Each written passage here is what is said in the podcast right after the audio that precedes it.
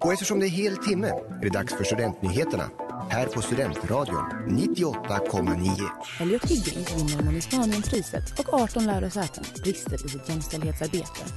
Det här är veckans nyheter. Monismanienpriset uppmärksammar varje år en aktör som gjort viktigt arbete för yttrandefriheten. I år prisades den brittiska journalisten Elliot Higgins för sitt arbete inom hans grundande av organisationen Bellingcat. Genom hans övervakning har han använt sig av bilder och filmer som tagits av civila människor i konfliktdrabbade zoner och på så sätt kunnat identifiera ny aktivitet som nyhetsmedier annars inte haft tillgång till. Han har kunnat bekräfta platser som bilder tagits på med hjälp av satellitbilder. Detta har visat sig vara högt värdefullt för att identifiera nya typer av vapen och följa krigsutveckling i bland annat Syrien och Ukraina.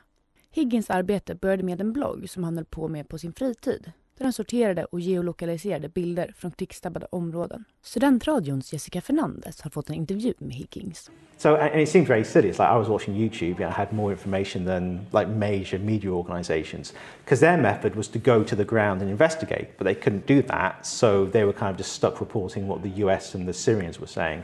I was able to gather lots of videos of this attack, start making sense of them, I found videos of the munitions that were used, which were very unique to Syria, and I could demonstrate how these weapons had been used previously by the Syrian government forces.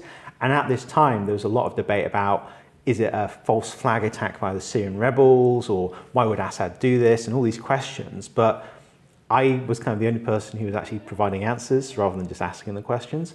I see this as something that complements traditional journalism. It's not supposed to take away or check, you know, push away all journalism. It's, it's like here's a new resource that's really useful for reporting.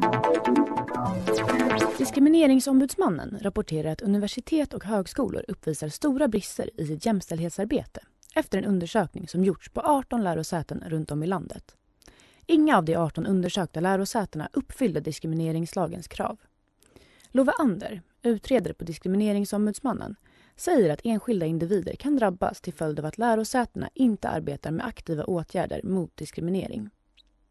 Diskrimineringsombudsmannen Lars Arrhenius säger Idag finns det över 400 000 studenter på lärosäten i Sverige.